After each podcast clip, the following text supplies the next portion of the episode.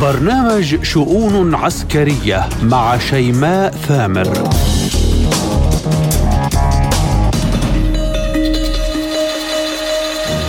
مرحبا بكم. أف 16 دواء تنتظره كييف لتداوي أوجاع هزيمتها وهجومها الفاشل. شروط تضعها واشنطن حتى تسلم المقاتلات. تعلموا الإنجليزية جيدا أولها. البنتاغون يؤكد أن كييف لا تمتلك البنية التحتية لاستضافة أف 16 التدريب سيبدأ بأيلول المقبل. هجمات أوكرانية بالمسيرات استهدفت القرم موسكو مناطق حدودية. والدفاعات الروسية تتصدى جيدا. حشود أوكرانية تتجه صوب زبروجيا ماذا تنسج؟ وما الذي ينتظرها هناك؟ حاولت لكنها فشلت. كوريا الشمالية حاولت إطلاق قمرا صناعية. إلا أنها لم تتمكن. البيت الأبيض يقول إنها تلعب بالنار وتخترق الأمن الدولي. قلق أمريكي من تنامي القوة العسكرية لكوريا الشمالية والرد جاء سريعا. مناورات عسكرية أمريكية يابانية كورية جنوبية. رسائل واضحة. بريدها يتجه صوب الصين روسيا كوريا الشمالية. كيف سيرد مستلم الرسائل؟ من أنقرة إلى بغداد حطت طائرة وزير الخارجية التركي هاكان فيدان وبريد الزيارة يناقش ملفات أمنية مهمة وخطوط حمراء تحته. حزب العمال الكردستاني أمن الحدود التنظيمات الإرهابية. العراق يبحث استراتيجية أمنية جديدة مع الجارة الشمالية وسعي لإنهاء مشكلة اختراق السيادة والقصف التركي المتكرر. هل سينجح فيدان في مهمته؟ وهل سيتمكن من تمهيد الأرضية لزيارة أردوغان إلى بغداد قريباً؟ كل ذلك وأكثر من تساؤلات. أبحث عن إجاباتها مع ضيوفي بشؤون عسكرية عبر وكالة سبوتنيك الإخبارية بموسكو. بحلقة أصحبكم بها أنا شيماء ثامر تفاصيلها بعد الفاصل. أحييكم من جديد وأبدأ بالملف الروسي الأوكراني والأحداث الميدانية ولتقييم هذا الجانب أستقبل معي عبر الهاتف الخبير العسكري العميد الدكتور أمين حطيط. أهلا بكم سيادة العميد وشكرا على قبول الدعوة. آه، بداية سيادة العميد ميدانيا حشود أوكرانية تتجه صوب زبروجية بمحاولة لاختراق الدفاع الروسية. ماذا تنسج ولماذا التوجه صوب زبروجيا ما الأهمية العسكرية لتلك المنطقة؟ بعد فشل الهجوم الأوكراني المضاد ضد القوات الروسية في آه، المناطق التي انضمت إليها وضع زيلينسكي بين نارين نار آه، في في هجوم فاشل مع ما يترتب عليه من خسائر وانهيارات كبرى ونار التوقف والإقرار بالهزيمة وهذا سينهيه سياسيا وينهيه عسكريا. لذلك بين هذين بين هاتين النارين وكلاهما مر وسيء بالنسبة لزيلينسكي. يبدو أنه اختار خط وسط آه، فيه آه، عنوان هجوم وفيه اختيار بعض العناوين الاستراتيجية الكبرى آه، التي التي آه، يحدث استهدافها ضجيجا وصخبا اعلاميا ودون أن يتورط بهجوم يتحمل فيه خسائر. لذلك اختار زيلينسكي هذا النمط من الهجوم بالمسيرات أو بالقوى النارية البرية ضد موسكو أو آه، شبه جزيرة القرم وأخيرا رأى أن زابورجيا مع ما فيها من خصائص عسكرية وعمرانية وصناعية يمكن أن يحدث استهدافها أو التحشيد عليها ضجيجا يناسبه من أجل توجيه رسالة للغرب بأنه مستمر في المواجهة ومستمر في المعركة وأنه ليس بوارد الاستسلام وليس بوارد الإقرار بالهزيمة. لذلك نحن نعتبر من الوجهة العسكرية أن آه، زيلينسكي هزم في هجومه المضاد وأن خياره البديل هو من أجل آه، فقط, فقط من أجل حجب هذه الهزيمة. أما ما يحاول أن يروجه من احداث تغيير في المشهدية وفي الميدان أو في الواقع العملاني فهذا حلم لا يدركه لأن طبيعة العمليات المحدودة التي يقوم بها يمكن أن نقول بأنها وخز لا يحرك ولا يدمر ولا يعطل. وليس من شأنها أن تغير المشهد الميداني العام ولا الواقع العملاني الأساسي القائم في أوكرانيا. بطبيعة الحال سيادة العميد الكل اتفق على فشل الهجوم المضاد بكل معطياته ونتائجه. اليوم البنتاغون يؤكد أوكرانيا غير جاهزة من ناحية البنية التحتية لاستضافة مقاتلات F-16. شروط أخرى يضعها البنتاغون. كيف تقرأ شروط البنتاغون ومسألة البنية التحتية الغير جاهزة لأوكرانيا؟ ما الحل حتى تكون F-16 منقذة للهجوم الفاشل؟ في كل مرة تصطدم فيها الكتلة الغربية التي تقود المواجهة في آه، أوكرانيا ضد روسيا. في كل مرة تصطدم فيها بفشل تعلم أن قدراتها العسكرية ليست في المستوى الذي يصمد أو الذي يحقق الإنجازات في مواجهة روسيا. وهذه المرة أيضا بعد فشل الهجوم المضاد هجوم الربيع الذي اسمه هجوم الربيع رأت أمريكا أن قدرات زيلينسكي العسكرية لا تمكنه من تحقيق نصر على روسيا. فأرادت أن آه، في في سياق استراتيجية إطالة أمد الصراع أرادت أن تعزز هذه القدرات بشيء جديد يمكنه زيلينسكي من متابعة المواجهة في الميدان. وفي هذا الإطار يبدو أن الخيار وقع على الطائرات الإف 16 لكن طائرات الإف 16 تعلم أمريكا أن البنية التحتية لتشغيلها والشروط الأساسية لتشغيلها غير متوفرة فهذه الشروط أولا تبدأ بإعداد الطيارين وإعدادهم يستلزم ما بين أربعة إلى ستة أشهر ثانيا المطارات آه، المناسبة ثالثا آه، ورش الصيانة والتعهد للطائرات ورابعا آه، اللغة التي ينبغي أن تعتمد من قبل الطيارين وهم لا يعرفون اللغة الإنجليزية. لهذا السبب آه، تجد أمريكا تطمح بأن تزود آه، أوكرانيا بهذه الطائرات ولكن تصطدم بعوائق مؤخرة أو معرقلة وأقله لا يم آه، عرقلة لا تقل عن أربعة إلى ستة أشهر. وفي هذه الفترة لا تعلم أمريكا مصير زيلينسكي مقابل أم آه، الضغط الروسي والتماسك الروسي الذي يقابله ضعف ووهن في البنية الأوكرانية. ختاما سيادة العميد مسألة التدريب على أف 16 بحسب واشنطن تبدأ بسبتمبر القادم. طيب من بداية التدريب وحتى الجهوزية، هل تعتقد أن أوكرانيا ستكون قادرة على التماسك عسكريا والتي بدأ جيشها اليوم يتهالك آه، من حيث العدد من حيث المعدات ما خيارات أوكرانيا لحين الاستعداد لمقاتلات F-16 أمام سلسلة الإخفاقات المتو... آه، التي تقع فيها أوكرانيا آه، سواء في العنوان الكبير هجوم الربيع أو العناوين التجزئية الفردية فإن أوكرانيا تخشى أن يستثمر الروس الوقت بالشكل المناسب ويعدون العدة لهجوم كاسح ماسح في أكثر من محور. لذلك أعتقد أن أوكرانيا ستعمل منذ الآن على خطين.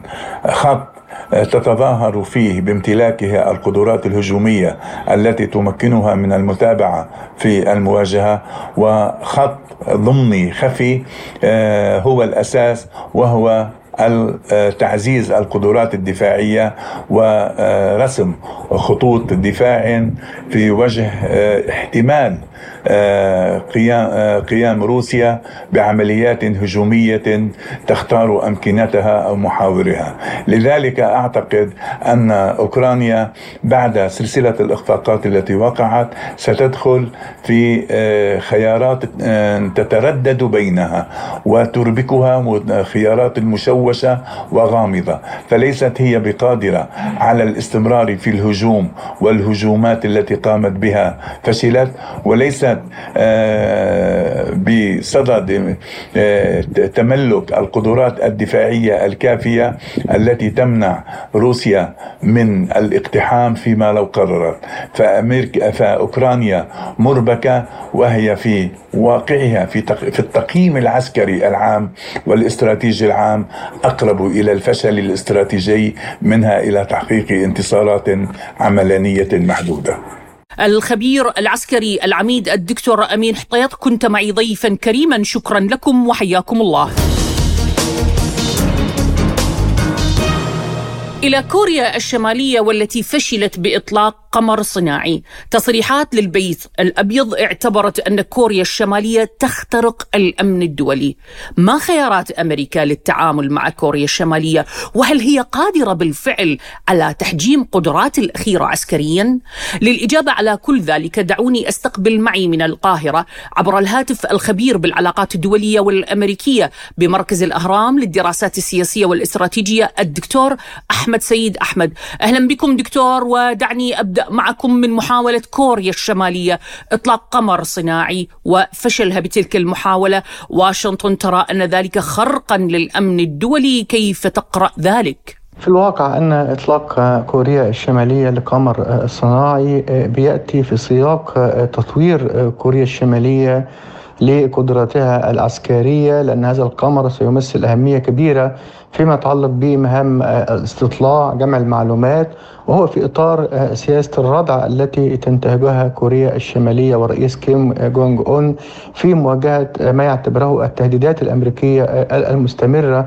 وهذا القمر الصناعي وبيعكس قدرات كوريا الشمالية المتطورة في كافة الأسلحة. يعني هي طورت الصواريخ البالستية العابرة للقارات ومنها الصاروخ بعيد المدى هافسونج 14 وهافسونج 17 أيضا لديها قوة عسكرية برية وقوات مدرعات وقوات جوية وقوات متنوعة ويأتي هذا التطوير في القمر الصناعي ليكون مكملا لعناصر القوة العسكرية لكوريا الشمالية في الدفاع عن أمنها القومي فيما آه، في مواجهة ما تعتبره آه، الاعتداءات أو العدوان أو آه، السياسة الأمريكية المستفزة تجاه كوريا الشمالية. ولذلك فإن رد فعل الأمريكي بخرق الأمن الدولي هو بيعكس ازدواجية المعايير أن أمريكا تطلق الأقمار الصناعية لديها أقمار كثيرة في الفضاء تقوم بمهام التجسس مهام جمع المعلومات تقوم بكل الأفعال وبالتالي آه، لا يمكن لأمريكا أن تقوم بمثل هذه الأعمال. ثم تمنعها أو تعتبر أن ما تقوم به كوريا الشمالية وخرق للأمن الدولي، ثانيا لا توجد معاهدة يعني آه، ما يسمى سباق أو تضبط سباق آه، الدول فيما يتعلق بالأقمار الصناعية، هناك دول كثيرة لديها أقمار صناعية وبالتالي رد الفعل الأمريكي يأتي في سياق محاولة الضغط على كوريا الشمالية واتهمها بأنها تنتهك الأمن الدولي. بينما آه، آه، الشمالية بترى أن هذا جزء من حماية أمنها القومي طيب دكتور ما الخيارات المتاحة لدى واشنطن لمنع كوريا الشمالية من تلك المحاولات بطبيعة الحال؟ الشمالية لديها قدرات عسكرية كبيرة متطورة.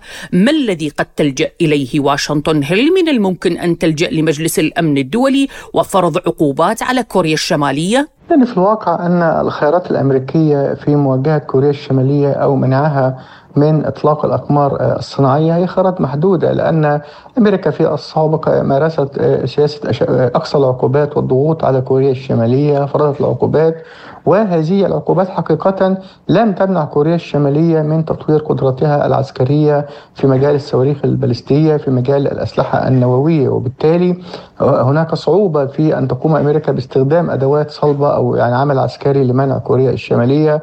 وكل ما ستقوم به أمريكا فقط هو ربما فرض مزيد من العقوبات الاقتصادية على كوريا الشمالية. الأمر الثاني أن خيار أمريكا فيما يتعلق باللجوء إلى مجلس الأمن الدولي لاستصدار قرارات تدين وكوريا الشمالية وإطلاقها الأقمار الصناعية ومن ثم فرض عقوبات عليها جديدة من قبل مجلس الأمن. أعتقد أن هذا أيضا يواجه بتحديات كبيرة في ظل وجود الفيتو الروسي والفيتو الصيني وهم هم وهؤلاء وهاتين الدولتين حليفتين قويتين لكوريا الشمالية. وهم يعتبران أن أمريكا بسياستها العدائية هي من تدفع كوريا الشمالية لإطلاق مثل هذه الأقمار الصناعية وصدور القدرات.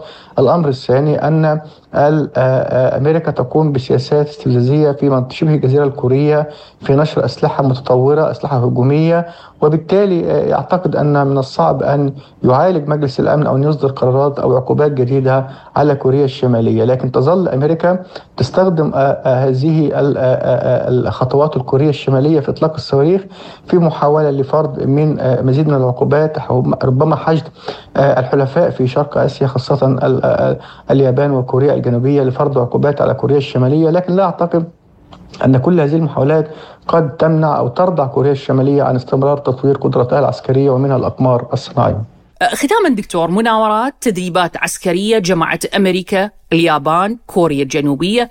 كيف تقرأ بريدها؟ لمن موجهة؟ بطبيعة الحال لكل تحرك عسكري هناك أهداف غايات ووجهات معينة. طبعا المناورات العسكرية المشتركة بين أمريكا وكوريا الجنوبية واليابان هي تأتي في سياق ما تقوم به أمريكا لبناء تحالف أو جبهة أو شراكة مع هذه الدول في محاولة لاستهداف الصين.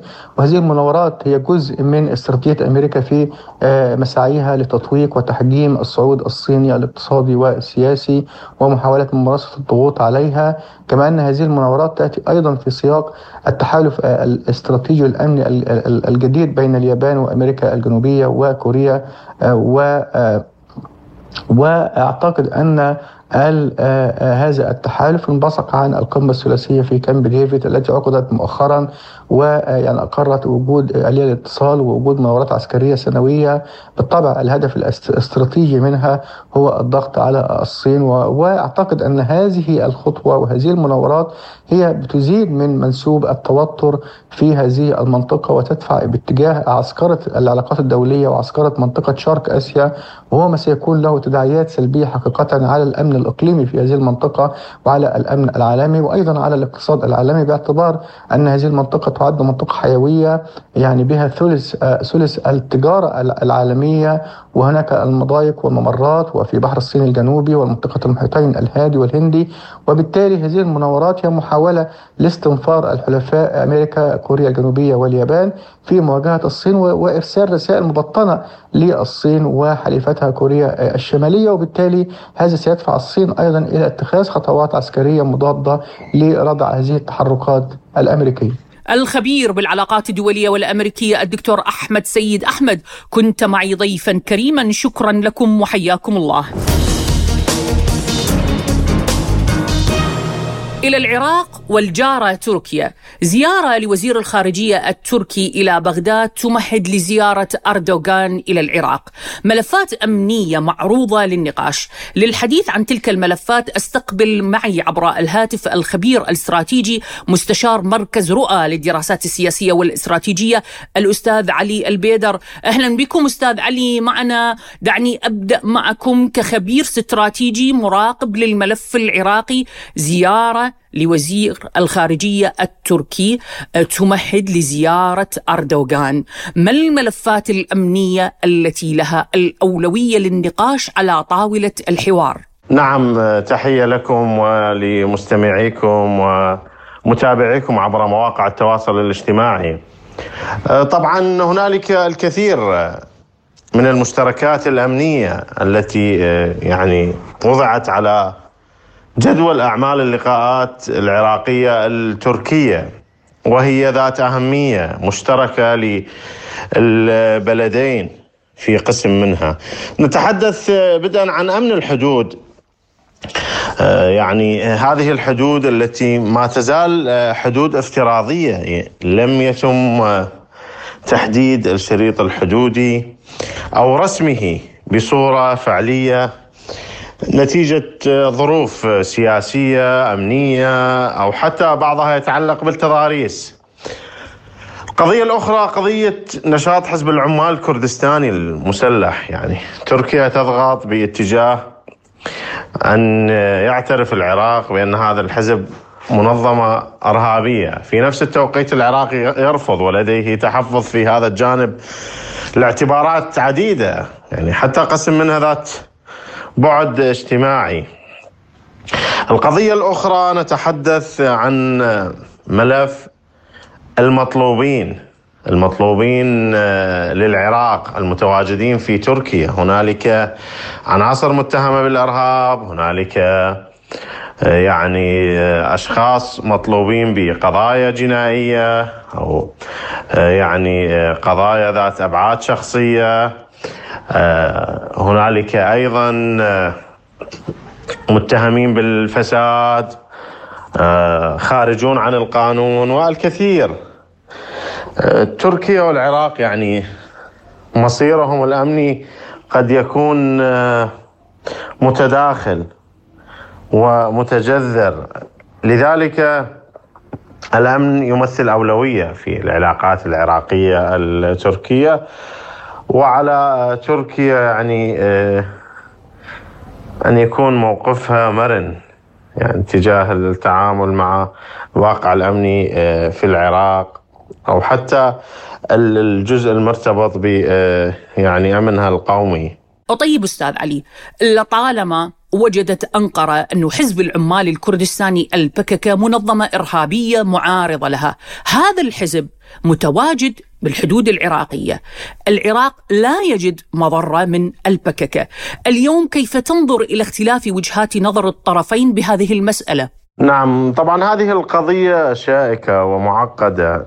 ذكرت لي حضرتكم أنه هنالك اعتبارات عديدة تمثل للعراق في آه، موضوع وجود الحزب، الحزب موجود باعتراف دولي آه، بإشراف الأمم المتحدة بعض مخيماته.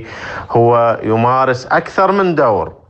هنالك دور دبلوماسي للحزب دور سياسي دور إعلامي. وحتى حين نتحدث بعمق ربما أصبح للحزب دورا مجتمعيا في آه، مناطق وجوده هو يتواجد منذ نتحدث عن آه، عقود من الزمن. فلا يمكن أن آه، يتخذ موقف بضغطة زر فيما يتعلق بوجود هذا الحزب ونشاطه والقضايا التي آه، تمس وجوده. ثم أن هنالك ربما أبعادا إقليمية في هذا الموضوع وهذا الأمر يعني يجعل العراق غير قادر على البت بهذا الموضوع بأريحية مطلقة أو أن المواقف التي سوف يتخذها العراق قد تواجه ربما ردة فعل يعني حتى من قبل الحزب نفسه أو المقربين منه. وهذا الحزب يعني بدأ يأخذ طابع دولي في نشاطه في تعامله. لذلك يجب أن يتم التعامل معه بطريقة آه، يعني نستطيع أن نقول أكثر عقلانية. لا يجب أن نذهب إلى الموقف التركي ونطبقه مباشرة وبذلك قد يكون ليس بمصلحة العراق اللجوء إلى هكذا خطوة. ما ذكرتم أستاذ علي. آه، هل تعتقد أن آه، أنقرة ستطلب من العراق بشكل صريح إخراج البككه من أراضيه أم آه، أنها ستقوم بعمليات عسكرية ضده بإذن من الحكومة العراقية؟ خاصة إنه القصف التركي اليوم ضحاياه المواطنين الأبرياء وهذا القصف يمثل مسألة اختراق لسيادة العراق. نعم الجانب التركي يعي جيدا صعوبة تنفيذ هذه الخطوة. وعدم تنفيذها سوف يعني آه، يبقي الأزمة الأمنية قائمة فيما يتعلق بنشاط حزب العمال الكردستاني. لكن عندما نتحدث عن الخيارات أو المسارات التي باتت تمثل واقع الحال لا يمكن الفرار منها. أما أن يتحرك العراق ويمنع نشاط حزب العمال الكردستاني نشاطه المسلح المعادي لتركيا. أو أن تركيا أو عفوا أن الحزب يعني يجمد عملياته المسلحة ضد تركيا.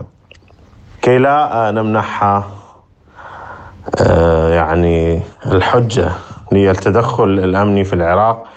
أو أن آه، تركيا تقوم بعمليات مسلحة. يعني اللي جاي يصير هو الخيار الأخير. لا العراق متحرك حتى يوقف نشاط الحزب ولا الحزب مجمد أنشطته المسلحة ضد تركيا. وفي نفس الوقت نجد أن هنالك تدخل تركي سافر يعني يمس السيادة يعني يزعزع الاستقرار ربما يبعث برسائل قلق ربما يمثل آه، يعني آه، حالة تنمي العداء المجتمعي ضد الجانب التركي. وهذا الأمر يعني له سلبيات كثيرة. لذلك يفترض على العراق أن يقدم على خطوة تمنع استخدام أراضيه للأنشطة المعادية للدول آه، مثل ما موجود في مواده الدستورية. ختاما أستاذ علي ان حصل واتفق الجانبان بما يخص حزب العمال الكردستاني المعارض لتركيا المتواجد بالعراق، كيف سينعكس ذلك امنيا على العراق؟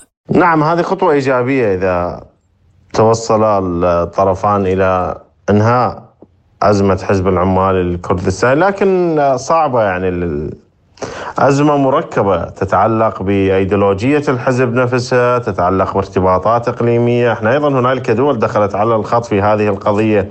هنالك ربما رغبة مجتمعية أو سياسية في العراق ب ضرورة الإبقاء على هذا الحزب. لكن يعني إذا كانت هنالك إرادة سوف آه، ينفذ ما اتفق عليه. و انعكاس ذلك يعني الأمر كبير على مستوى الأمن والاستقرار وربما هنالك دول تتخوف من الاستثمار في مناطق معينة بسبب نشاط معين للحزب أو حتى للجانب التركي خصوصا أن يعني هاي المرحلة قد تشهد تنفيذ مشروع طريق التنمية وهذا الطريق يحتاج إلى تصفير الملف الأمني وازماته في البلاد.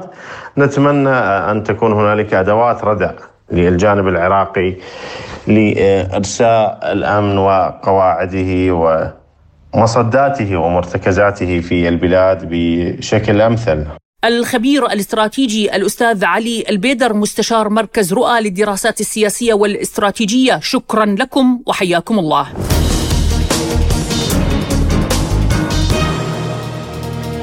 إلى هنا أصل وإياكم إلى ختام حلقة اليوم من شؤون عسكرية رافقتكم فيها من وراء الميكروفون بالإعداد والتقديم الدكتور شيماء ثامر. شاركني بتحليل ملفاتها كل من الخبير العسكري العميد الدكتور أمين حطيط الخبير بالعلاقات الدولية والأمريكية دكتور أحمد سيد أحمد الخبير الاستراتيجي الأستاذ علي البيدر. للمزيد زوروا موقعنا الإلكتروني arabicsputnik.ie دمتم بأمان الله وحفظه.